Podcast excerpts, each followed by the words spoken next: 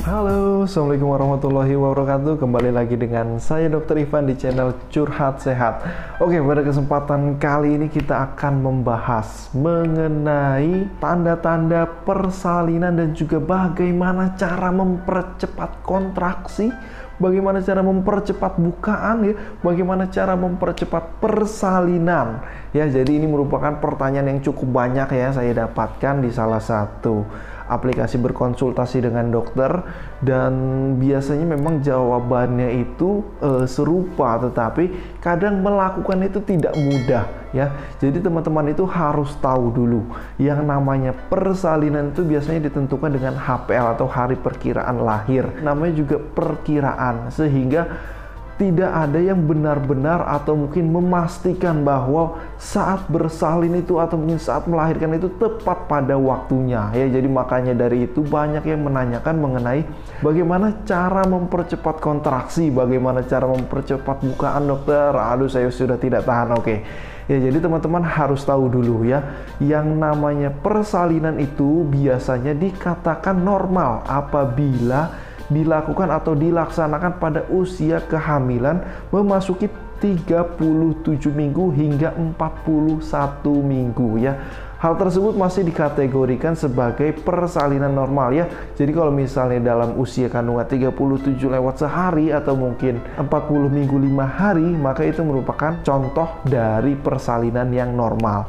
Karena kalau misalnya HPL sendiri umumnya itu ditentukan pada usia 40 minggu atau setara dengan 9 bulan 10 hari. Itu merupakan teori atau mungkin rumus dari HPL itu sendiri. Dan pertanyaan utama tadi, apa tanda-tanda persalinan dan juga gimana cara mempercepatnya dokter? Ya, jadi kita bahas dulu ya yang namanya tanda-tanda persalinan itu tidak ada yang 100% sama antara wanita satu dengan wanita yang lain.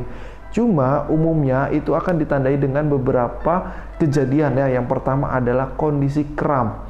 Kram atau kencang-kencang atau kontraksi ya yang biasanya terjadi pada bagian sekitar punggung, perut ya, habis itu juga pinggul hingga ke bagian sekitar kemaluan atau sekitar dari jalan lahir itu sendiri ya itu biasanya akan ditandai semakin lama kontraksi atau mungkin kram itu akan semakin sering ya. Dan juga semakin lama semakin panjang ya. Jadi yang awalnya mungkin kontraksinya cuma semenit ya. Nanti menjelang persalinan biasanya kontraksinya bisa lebih panjang hingga 10 menit ya. Selain daripada kontraksi tanda persalinan juga bisa ditandai dengan keluarnya lendir bercampur darah ya. Jadi kalau misalnya usia kehamilan sudah cukup matang terus habis itu keluar lendir dan darah maka jangan panik dulu ya siapa tahu itu merupakan hal normal dari tanda-tanda persalinan. Selain daripada itu, ada juga beberapa ibu yang mengalami tanda persalinan berupa rembesan air ketuban. Dan cara membedakan rembesan air ketuban dengan air urin atau mungkin air pipis ya itu bisa dengan cara memastikan bahwa baunya itu bukan seperti bau urin ya. Terus habis itu yang kedua biasanya rembesan air ketuban ini tidak bisa ditahan sebagaimana Anda menahan air pipis atau air urin Terus abis itu yang membedakan rembesan air ketuban dengan keputihan yang lain biasanya rembesan air ketuban ini akan cenderung lebih cair dan bisa membasahi bagian eh, celana bagian dalam maupun celana bagian luar. Ya. Itu merupakan beberapa tanda dari akan terjadinya persalinan. Lalu daripada itu bagaimana cara mempercepatnya ya? Jadi mungkin ada beberapa tahapan yang bisa dilakukan untuk mempercepat kontraksi atau mempercepat bukaan. Ya, yang pertama adalah untuk tetap melakukan aktivitas. Jadi mungkin pada ibu-ibu yang tidak memiliki kontraindikasi atau mungkin tidak dilarang oleh dokter untuk melakukan aktivitas, ketika menjelang persalinan memang disarankan untuk tetap melakukan aktivitas ringan. Seperti contohnya adalah tetap jalan, tetap menyapu atau mungkin mengepel, ada atau mungkin beberapa orang ada yang melakukan dengan gerakan naik tangga maupun berdiri jongkok berdiri jongkok ya. Dan itu merupakan cara pertama yang paling mudah dan paling bisa dilakukan di mana saja untuk mempercepat kontraksi. Selain daripada itu untuk mempercepat kontraksi atau mungkin bukaan dalam persalinan maka ada cara lain yaitu biasanya adalah dengan cara melakukan uh, hubungan seksual dengan mengejakulasikan sperma di dalam vagina. Karena apa? Karena sperma yang berada di dalam vagina itu memiliki kandungan yang bisa mempercepat kontraksi. Namun ingat ya, jadi kalau misalnya cara ini boleh dilakukan terutama apabila sudah disarankan oleh dokter spesialis kandungan atau mungkin bidan Anda ya.